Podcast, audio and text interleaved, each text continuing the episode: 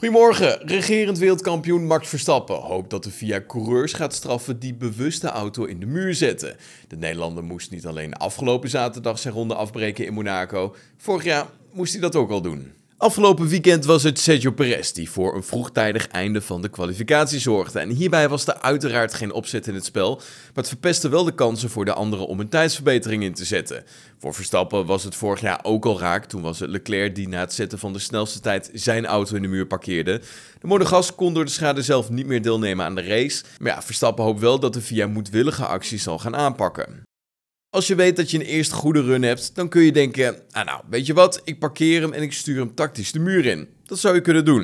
In het verleden is Michael Schumacher voor een soortgelijk incident in Monaco bestraft. Maar ook Nico Rosberg werd aangepakt nadat hij in 2014 na het rijden van de snelste tijd zijn Mercedes op een onhandige plek parkeerde. Het is leuk voor de persoon die zijn wagen in de muur hangt, maar voor mij is het natuurlijk een domper. De Nederlander erkent ook dat het behalen van voordeel tijdens zo'n situatie aangepakt moet worden. En dat is iets waar we al een tijdje mee bezig zijn. In het sportreglement van de Formule 1 staat er geen straf voor zo'n soort incident, maar in de IndyCar-series wordt het moedwillig veroorzaken van een rode vlag bestraft met het afnemen van de twee snelste rondetijden. Nou, Mercedes-teambaas Toto Wolff die zei daar vorig jaar het volgende over. Ik wist niet dat dat de regel was in de VS, maar ik denk dat het een intelligente regel is die verwarring zou kunnen voorkomen. En het is een moeilijk jaar voor Lewis Hamilton. De Britse superster moet het dit seizoen voorlopig doen met een plek in de subtop. En strijden om een overwinning, ja, dat zit er nog niet helemaal in. Michel Blekemolen vindt het allemaal wel mooi om te zien en vraagt zich langzaam maar zeker af hoeveel waarde de wereldtitels van Hamilton nu daadwerkelijk hebben. Blekemolen krijgt met ons in gesprek de vraag hoe hij aankijkt tegen de situaties bij Hamilton. Ik denk dat hij binnenkort een therapeut nodig heeft. Dat is natuurlijk niet lekker, maar het is al een man die sowieso nergens mee om kan gaan. dat hebben we in het verleden wel gezien met al zijn commentaar.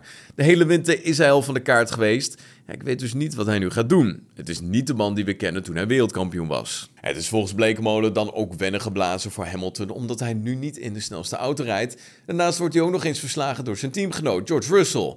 En ja, daar kan Blekemolen wel van genieten.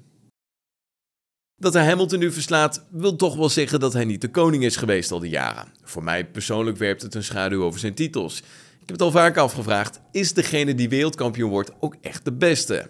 Vorig jaar, en dat zeg ik nu wel chauvinistisch, was, als je eerlijk bent, Max ook gewoon de beste. Dat is wat Max deed. En dat kan ik van Hamilton niet zeggen. Al dus Michel Blekemolen.